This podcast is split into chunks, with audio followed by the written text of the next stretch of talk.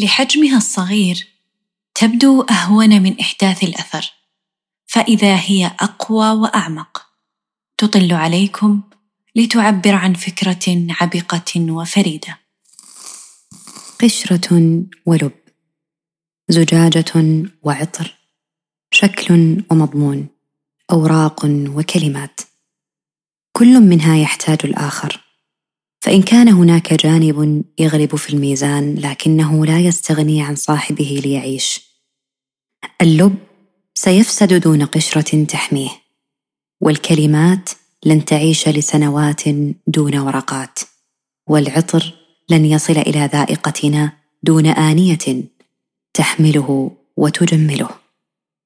الجسد والروح ثنائية تشبه ذلك. فما هي هذه الثنائية العجيبة؟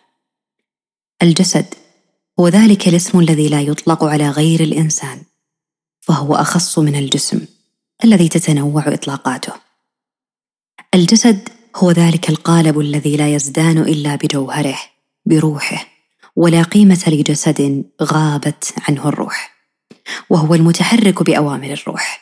فلا عجب أن تكون المضغة فيه القلب هي المتحكمة في صلاحه وفساده.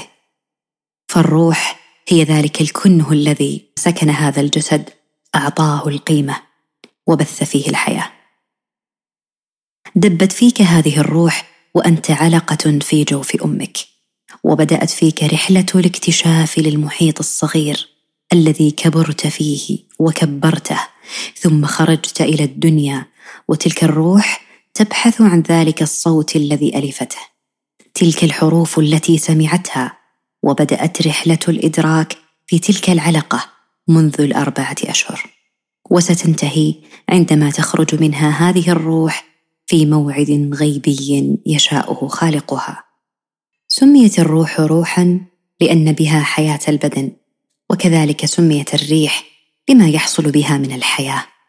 ومنها الروح والريحان والاستراحة فسميت النفس روحا لحصول الحياة بها وسميت نفسا إما من الشيء النفيس لنفاستها وشرفها وإما من تنفس الشيء إذا خرج فلكثرة خروجها ودخولها في البدن سميت نفسا.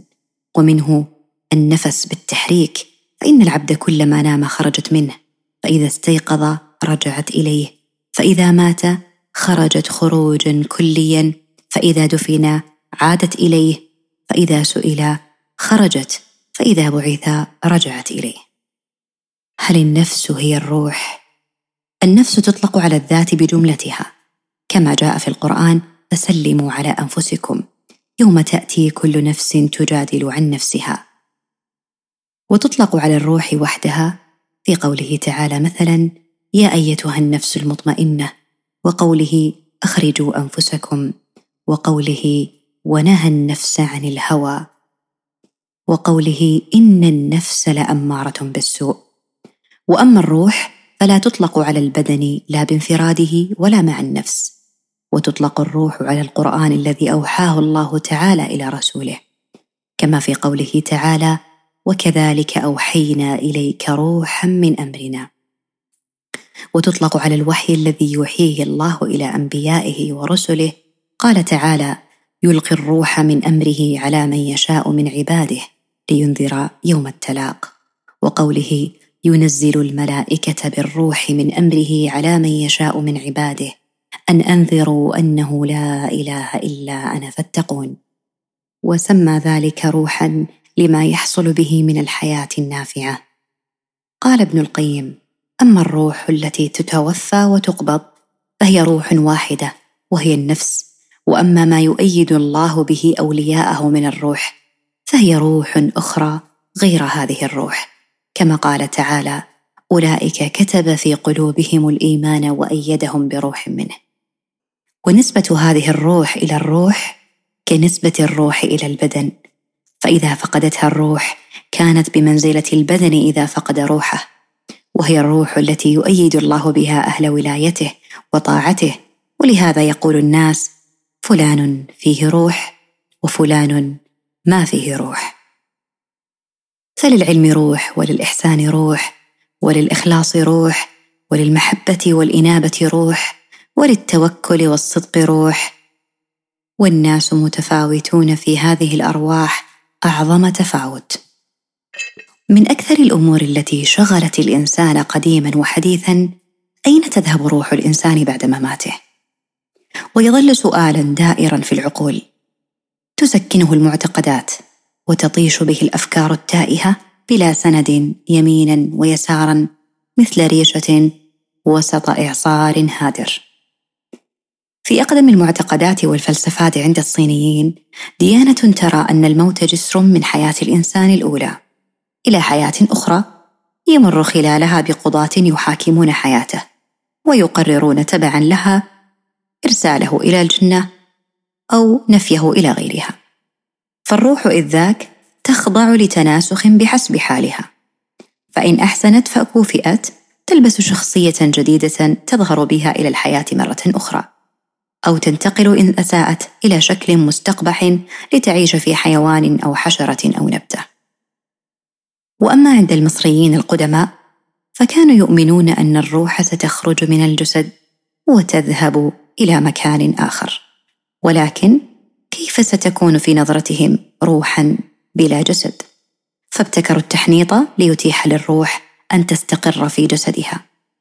وهكذا نشأ من سؤال مهم قائمة من المعتقدات والأساطير التي يصدق بها بعض الشعوب.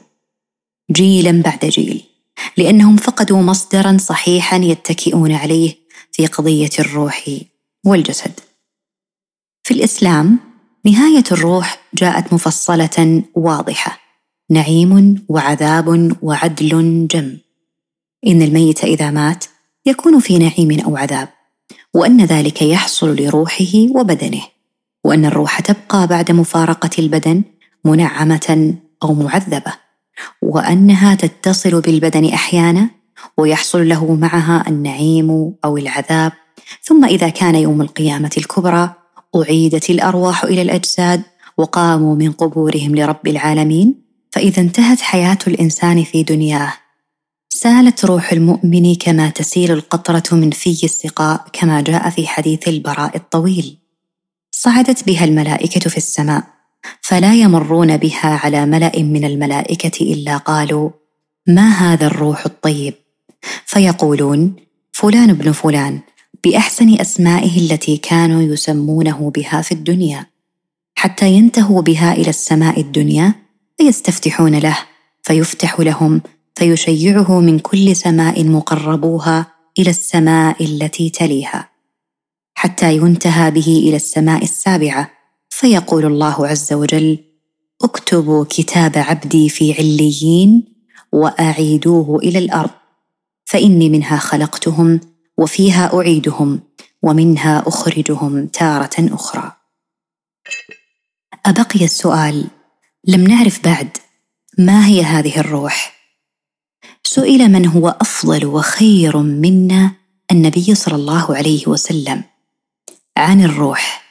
فجاءه الوحي بهذه العبارة قل الروح من أمر ربي وما أوتيتم من العلم إلا قليلا. هذا الجواب من الله تعالى جواب يدلنا على قصور العقل مهما بلغ. وعلى أن شأن هذه الروح أعظم من أن يدركه هذا العقل. ولكن في الوقت ذاته أعطانا الله تبارك وتعالى دلائل بها نتعرف على عجائبها. ونعرف خصائصها. منها ميل النفوس إلى بعضها أو إلى أماكن دون غيرها. ثم نفرتها أو انجذابها. فيعرف حينها الإنسان أن هناك سرا ما يسكن جسده لا يملك لأجله دفع شعوره. قال صلى الله عليه وسلم الأرواح جنود مجندة ما تعارف منها ائتلف وما تناكر منها اختلف. قيل فيه لأنها خلقت مجتمعة ثم فرقت في أجسادها فمن وافق بشيمه ألفه. ومن باعده نافره وخالفه. وتآلفها هو بما خلقها الله عليه من السعادة أو الشقاوة في المبتدأ. وكانت الأرواح قسمين متقابلين.